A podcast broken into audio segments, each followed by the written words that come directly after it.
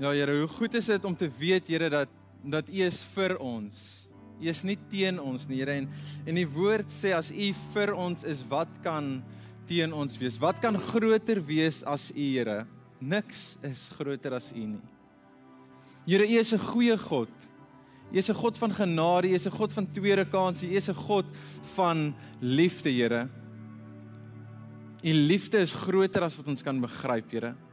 U is 'n Pa wat ons nie verstaan nie, 'n Pa wat wat bo ons verstand te bowe gaan.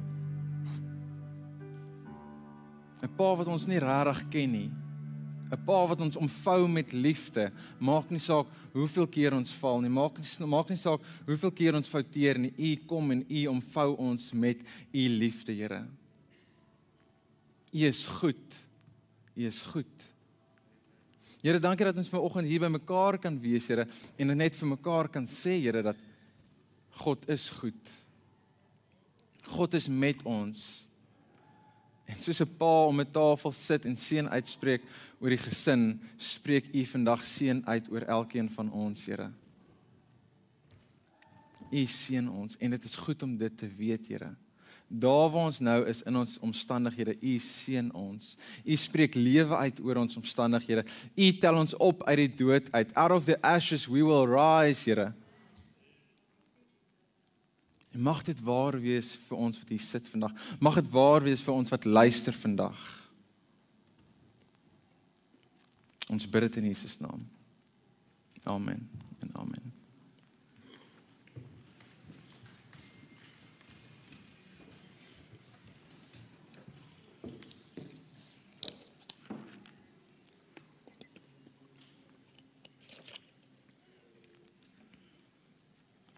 Goeiemôre, goeiemôre.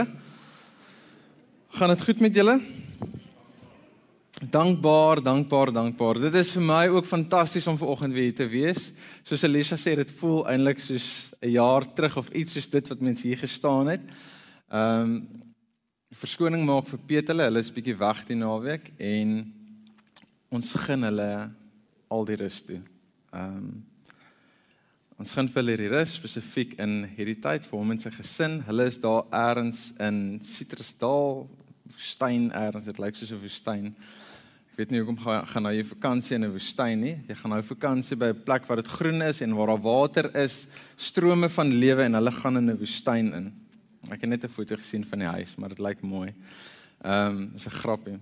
Maar ons gaan nou meer rus toe want ons almal weet ons het rus nodig in hierdie tyd, né? Weet, is daar iemand wat rus nodig het? julle almal lyk like, julle okay. Ek, ek is bly daaroor. 2020, wat 'n jaar, né? Wat 'n jaar was dit nie. Vrydag sê een van die tiener, tiener meisietjies sê sy en dis die tieners redeneer hulle sy sê vir my, "Almal gebruik 2020 as 'n verskoning, hierdie pandemie." He. En dis die tieners voel, né? Hou op verskonings te gebruik. En 2020 is nie 'n verskoning nie, mense. Dis 'n moeilike jaar. Dis 'n tawwe jaar. 'n Tiener kyk na so, eh, dis 'n verskoning en ons kan nie kom nie want eh, it's a pandemic. Dis dit is nie dit nie.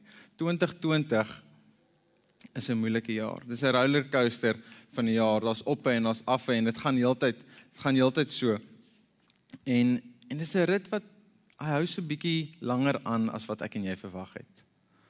Ek meen in die begin as ons as ons net gaan bietjie rewind as jy nog onthou, daar was 'n 21 dae van lockdown gewees en yes, dan gaan dit verby wees, dan kan ons weer aangaan met ons lewe. Ons kan weer planne maak, ons kan voortbeweeg. En daai 21 maande het verander in 'n hele paar 21 dae het verander in 'n paar maande in en daai maande het verander in 'n tydperk in waar ek en jy uh, in 'n nuwe realiteit moes ingaan. Ons moes 'n nuwe no normaal ontdek en nuwe waar nuwe waardes nie, maar ons moes planne planne gemaak het. Ons moes ons planne verander het. Ons moes dinge anders begin doen het. Ons moes begin maskers dra. Ons kon nie me, regtig mense sien en goed saam met mense doen nie.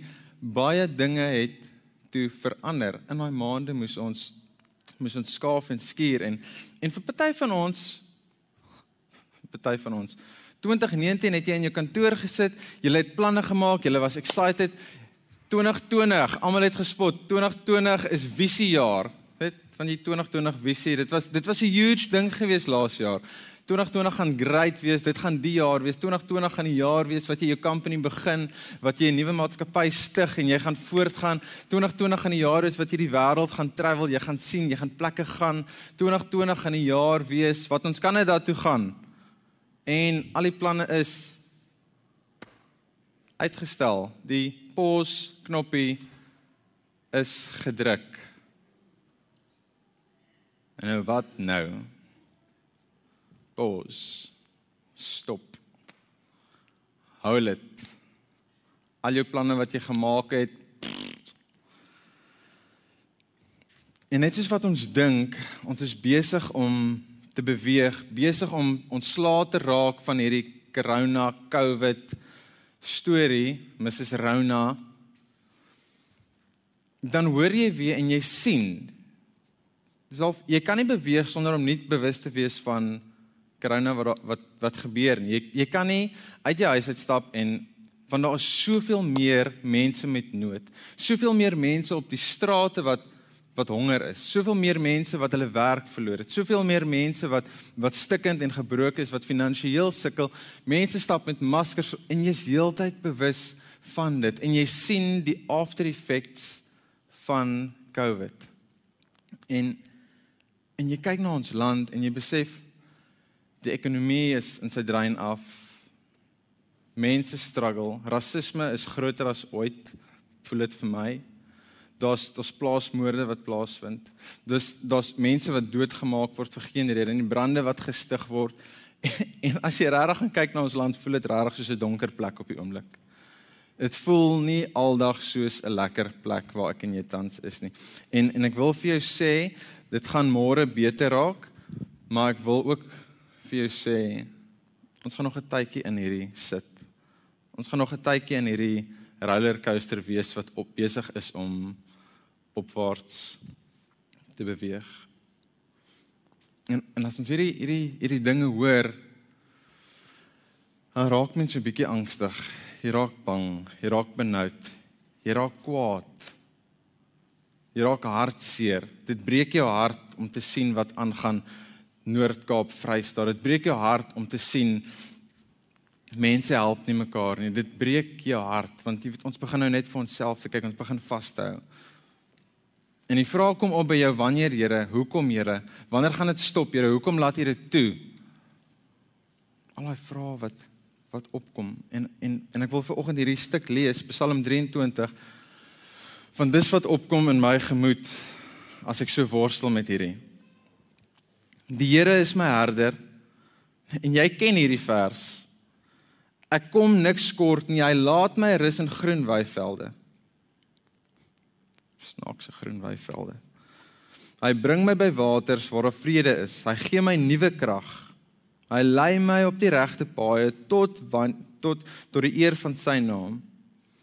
Selfs al gaan ek deur donker dieptes, sal ek nie bang wees nie. Luister mooi, want U is by my.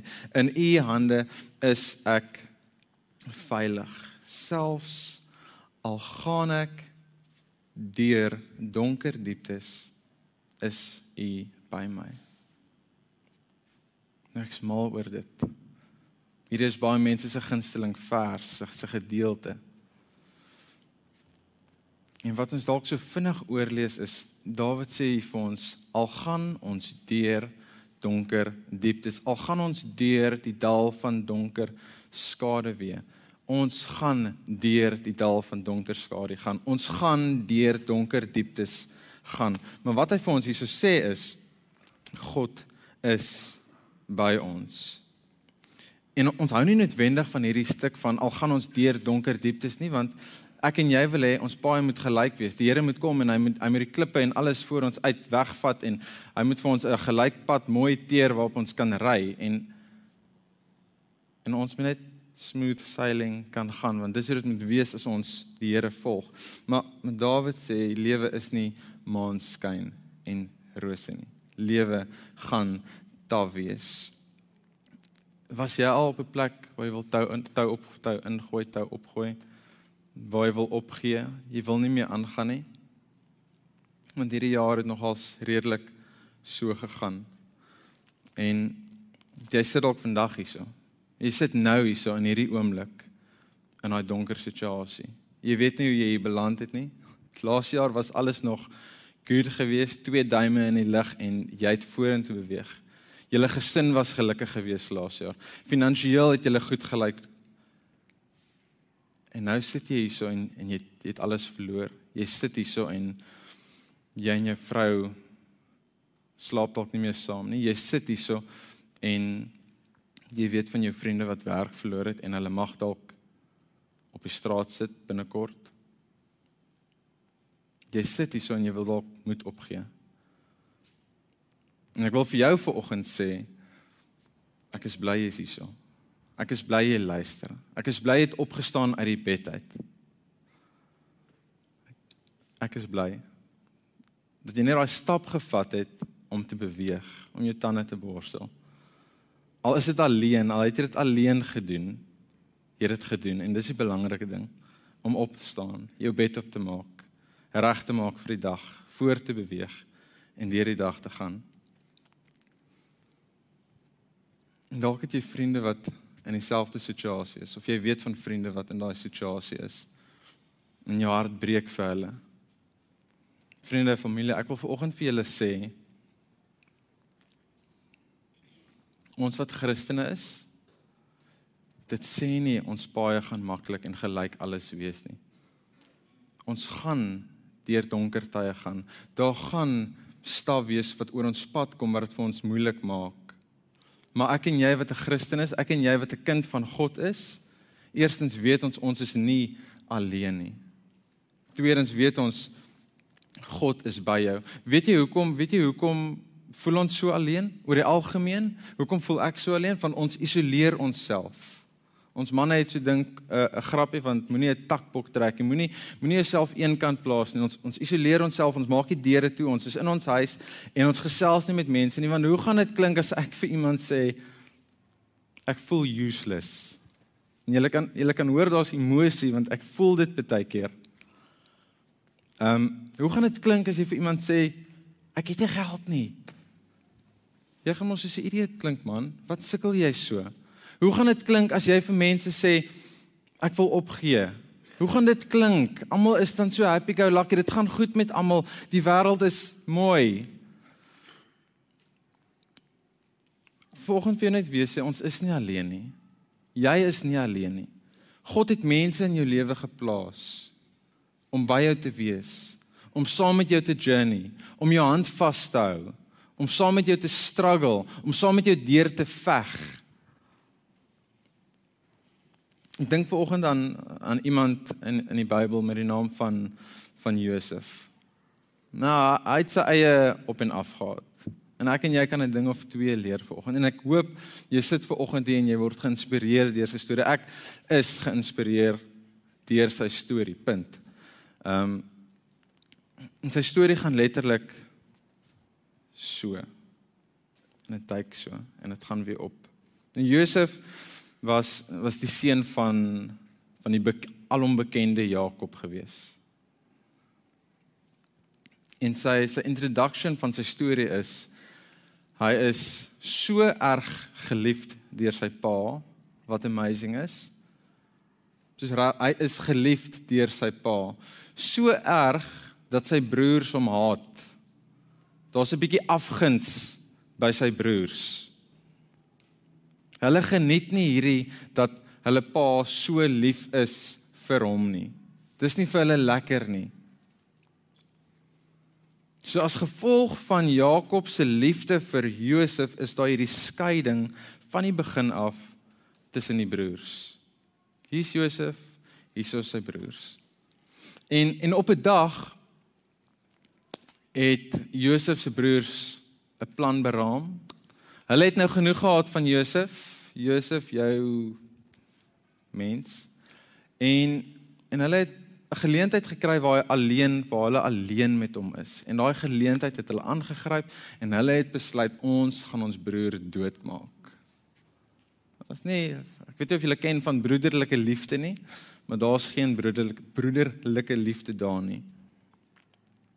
En soos wat hulle beplan, soos wat Josef nader kom, sê die een broer vir hulle, dalk moet ons hom nie dood hy is ons broer. Hy is ons bloed. Hy is ons familie. Maybe don't kill him. Kom ons kom ons gooi hom net in 'n put. In 'n droë put waar daar nie water is nie. Dalk kan hy 'n arm of 'n been of iets breek en hy kan dalk daar vergaan. Ons kan hom los daarso.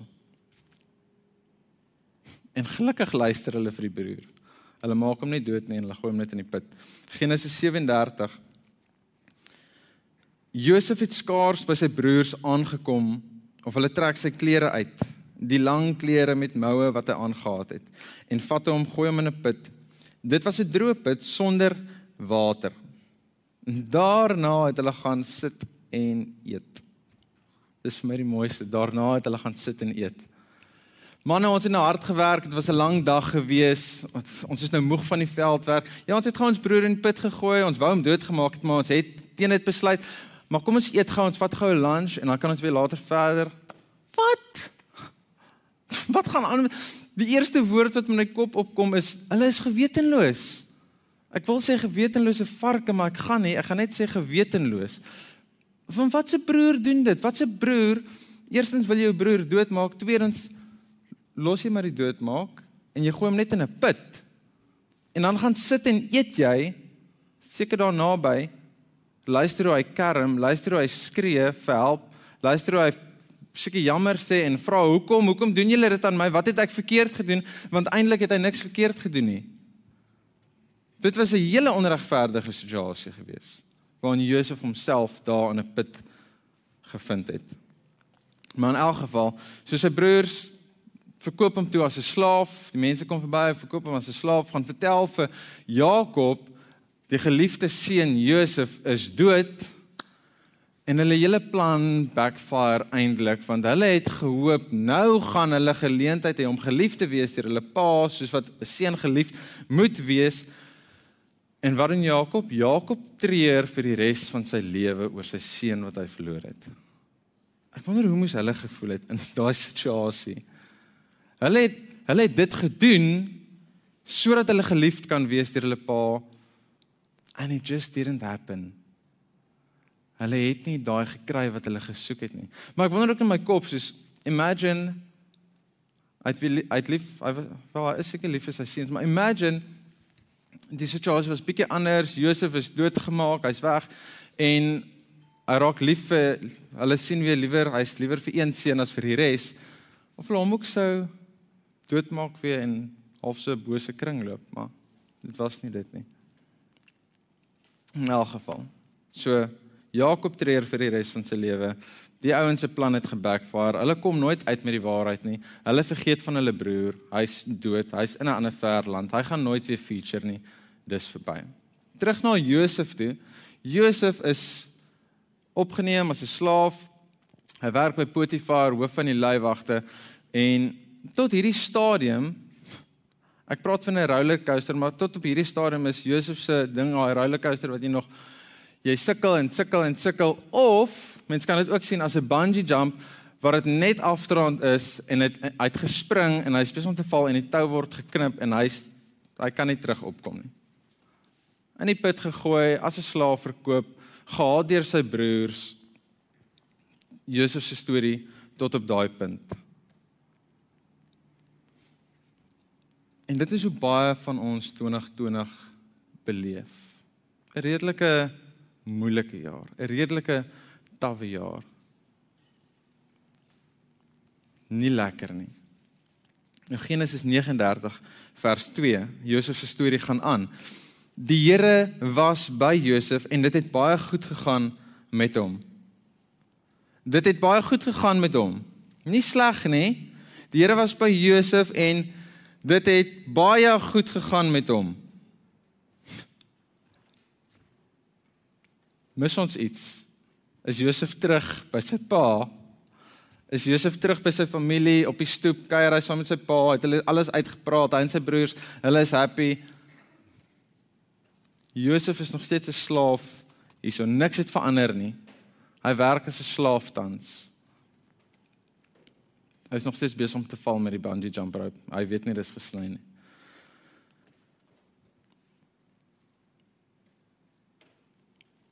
Hoe is dit dat dit baie goed gaan met hom? Nou hierdie gedeelte sê Die Here was by Josef en dit het baie goed gegaan met hom.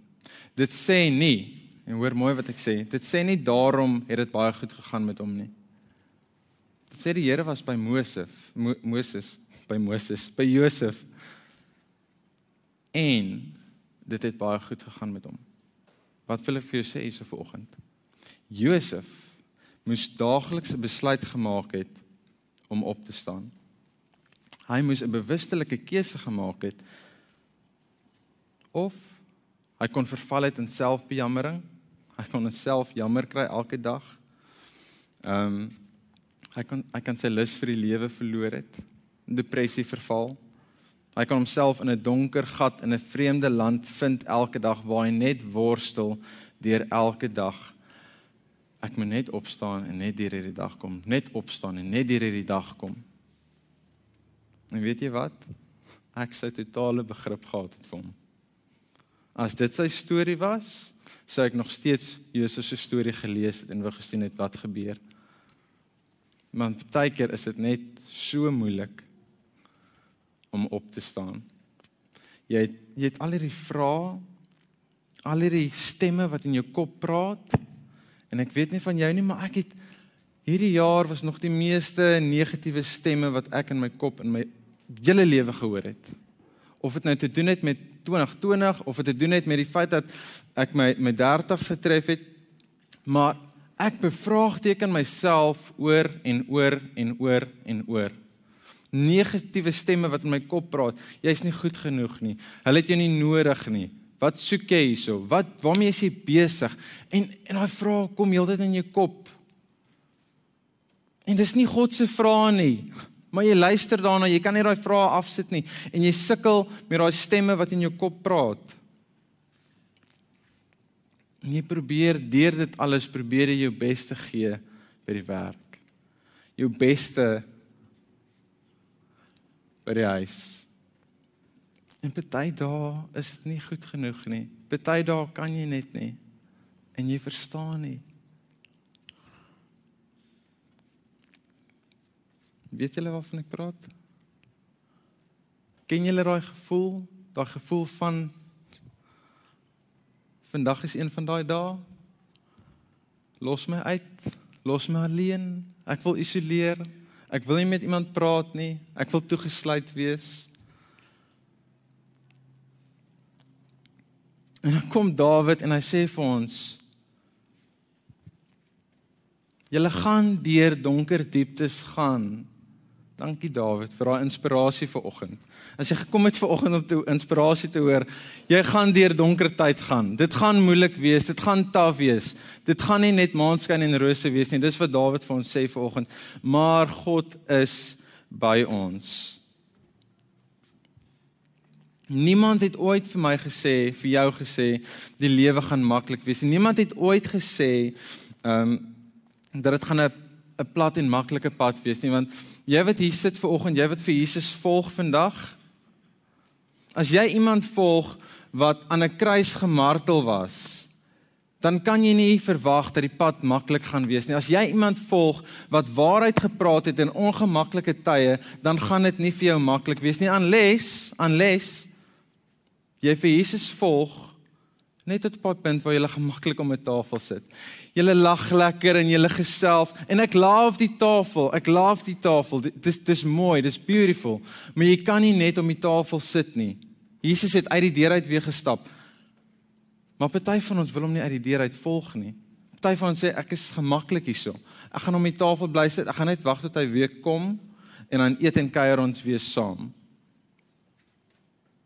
Jy moet by die deur uitstap. Jy moet in die nag instap. Jy moet jou lig gaan skyn. Jy moet daar wees waar dit nodig is, daar waar hy jou geroep het om te wees. In Josef se storie, dit, dit gaan aan. en hoor jy, hy word bevorder na Potifar se persoonlike slaaf.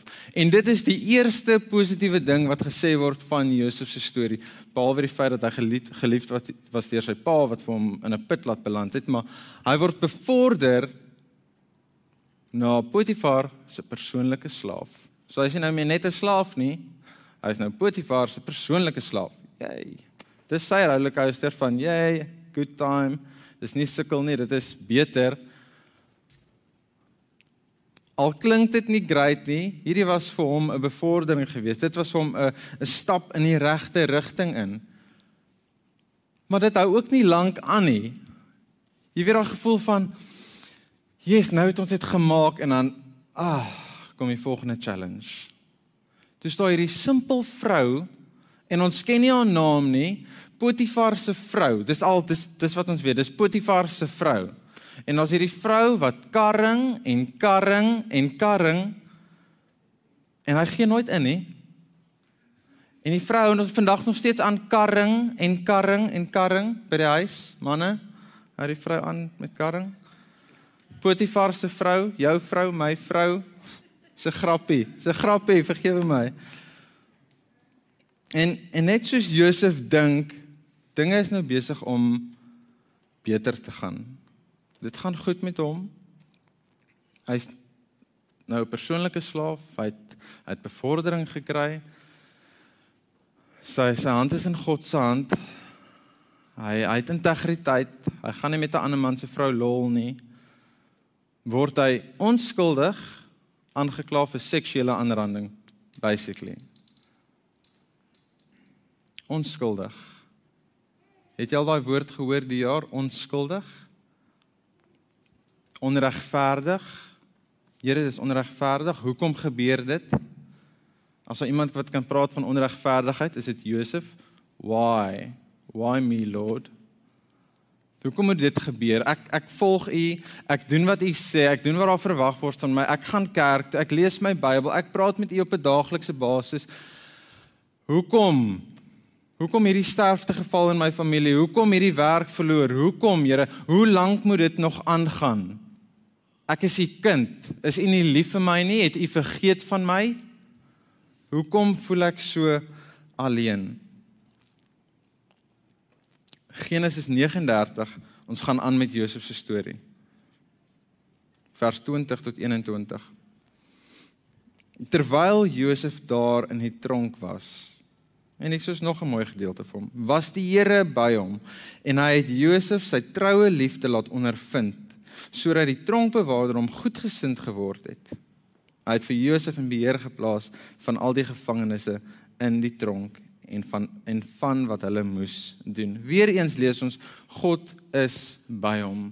God los nie vir jou wanneer jy val in 'n donker put nie. God los nie vir jou wanneer jy struikel nie, wanneer jy sukkel nie.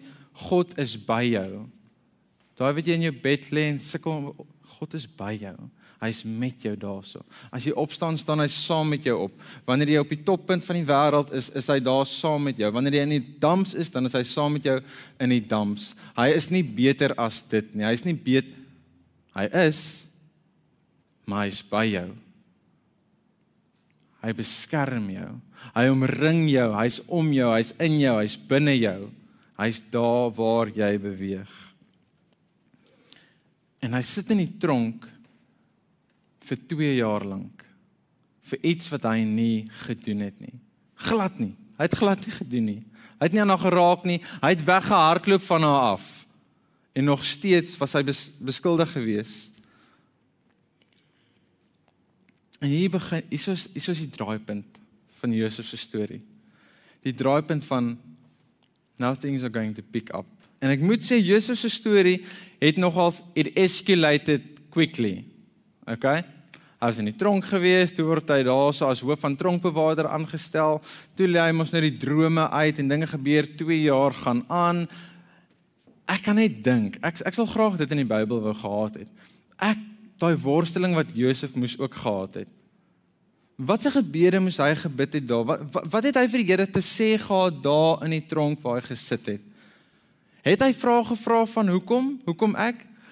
Of was Josef regtig hierdie tipe ou gewees wat net hy het vasgehou aan God en hy het geweet God is goed vir my, God is by my. Hy gaan my deurkry. Al is ek heeltyd besig om so te maak, he's going to get me through this. Maar Josef word as te ware hy word opgetel. Na 13 jaar vandat hy in 'n put gegooi is, slaaf verkoop, aangekla onregverdiglik, word hy in opgetel na 13 jaar van aanhou probeer, aanhou teen die stroom swem, aanhou waarheid praat, aanhou nooit verander nie. Aanhou glo in God ten spyte van my hele situasie, my omstandighede, het hy aanhou vorentoe beweeg. En hy word uit die tronk uitgehaal en hy word aangestel as die eerste minister van die land van Egipte, Farao se regterhand. Dit klink baie soos ons oud president Nelson Mandela. Uit die tronk uit en hy sy president. Dis 'n baie mooi storie. En dit gaan aan en hy kry eventually geleentheid. Hy moet kos voorsien aan mense. Dis die 7 maar jare en 7 goeie jare. En sy broer hulle kom ons toe nou ook en hulle kom smeek toe nou ook mos nou vir kos. En en die hele die die eind uiteinde van die storie is daar's 'n reunie. Daar's die hele familie reunie. Ek kan net dink hoe awkward dit moes gewees het. Na al hierdie jare jou broers het jou veroorsaak dat jy 13 jaar lank moes gesukkel het en daar's hierdie reunie. Hoor hoor hierso. En dit is nou na 'n hele heen en weer travel. Genesis 45. En dis Josef wat praat. Maar hy het vir hulle gesê: "Kom na my toe." Ek kan net dink die emosies wat in daai vertrek was in daai oomblik. En toe hulle nader kom, sê hy: Ek is julle broer Josef. Julle het my verkoop en ek is Egipte toe gebring.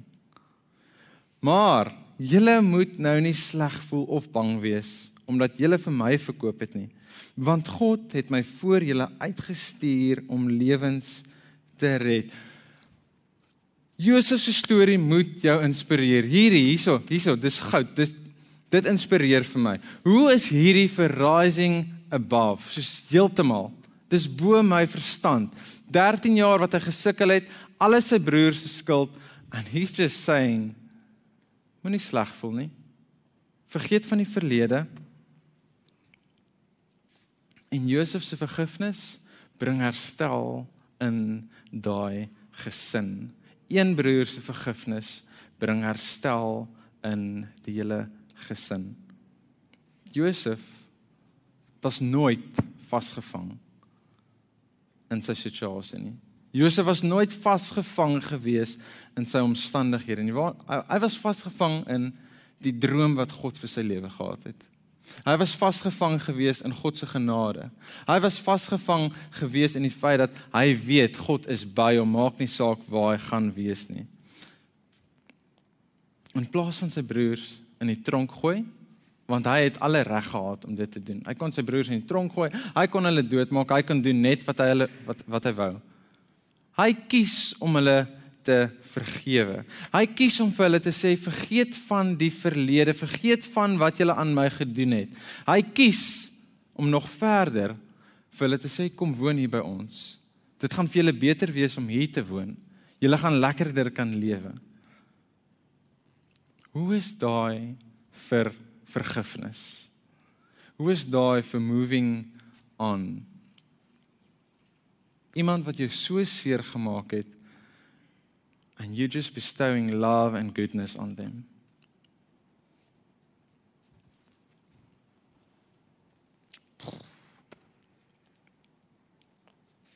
Klink dit soos iets wat Jesus gedoen het? Klink dit soos iets wat Jesus kom doen het toe hy aarde toe gekom het? Jesus het nie dood oor my en jou kom uitspreek nie. Jesus het nie sy straf oor my en jou kom uitspreek nie. Hy het nie gekom om vir ons te sê hoe sleg jy is nie. En vandag nog steeds die waarheid Matthys, hy sê nie heeltyd vir jou hoe sleg en hoe nutteloos jy is nie. Hy het gekom om vir ons te versoen. Nie net met enige hy het, hy het gekom sodat ons met hom versoen kan wees sodat hy binne ons kan lewe, sodat ons binne hom kan lewe. Om vir ons te nooi na 'n beter plek. Om vir ons te nooi na 'n plek waar ons lewe in oorvloed kan geniet. Om vir ons te nooi om vir ons lewe actually purpose te gee. In Matteus 11 hoor ons die volgende en hy sê daarom wil ek julle uitnooi. Voel julle moeg vir hierdie lewe? En asseblief lees Matteus 11 oor en oor en oor in hierdie volgende tydperk. Knak julle knieë onder al die probleme en verantwoordelikhede wat julle moet dra. Het julle godsdiens leeg geword sodat dit julle geestelike dors nie meer les nie. Kom dan na my toe. Kom wy jou lewe aan my toe. By my sal jy weer die sin van die lewe ontdek. As jy moeg en oorlaai is, gaan vind jou rus by hom in hom. Vriende, familie, ek ek ek het nie ek het nie antwoorde vir vir plaasmoorde nie. Ek het nie antwoorde vir die rasisme wat rondom ons aangaan nie. As jy dit het, kan jy dit met my deel asseblief. Nie noodwendig direk na kerk nie. Maar wat ek het vir jou vandag is hou vas aan hom. Hou vas aan God. Want weet jy wat God hou vas aan jou? Jy dink dalk dit voel dalk uit jou gelos. Jy voel dalk alleen, maar God hou vas aan jou. With everything he's got, he is holding on to you. Jesus het gekom. Hy het dood gegaan. Maar hy het nie dood gebly nie. Die dood is oorwin. Daar is nie meer dood vir my en jou nie. Al wat daar is is lewe. Lewe in oorvloed in Jesus. En in Jesus is daar genesing vir my en jou. In Jesus is daar hoop vir my en vir jou. In Jesus is daar 'n mooi toekoms vir my en jou. So hou vas aan hom. As jy deur hierdie vallei gaan, deur hierdie donker vallei, jy kan hardloop as jy wil. You can run. Jy kan stap, jy kan wandel, jy kan rustig wees, jy kan sit en rus in die donker as jy wil. Maar weet dit, God ons God, die lewende God is by jou in daai donkerte. In daai tawwe tyd is hy by jou. Jy's nie alleen nie. En die God waarmee hy die die krag waarmee hy uit die dood uit opgestaan het, it's working inside of you. Jy besit daai krag binne jou. So wanneer jy sukkel, herinner jouself. Jy's nie alleen nie. Hy is met jou. Sy krag is teenwoordig binne jou.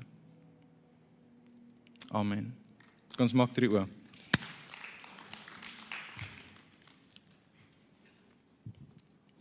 Here, dankie dat U met my praat vanoggend. Dankie dat u teenwoordig is in hierdie plek. Dankie dat u teenwoordig is in sitkamers in, by huisgesinne vandag, Here. Dankie dat dat u met ons praat, Here. Dankie dat u u hart met ons deel.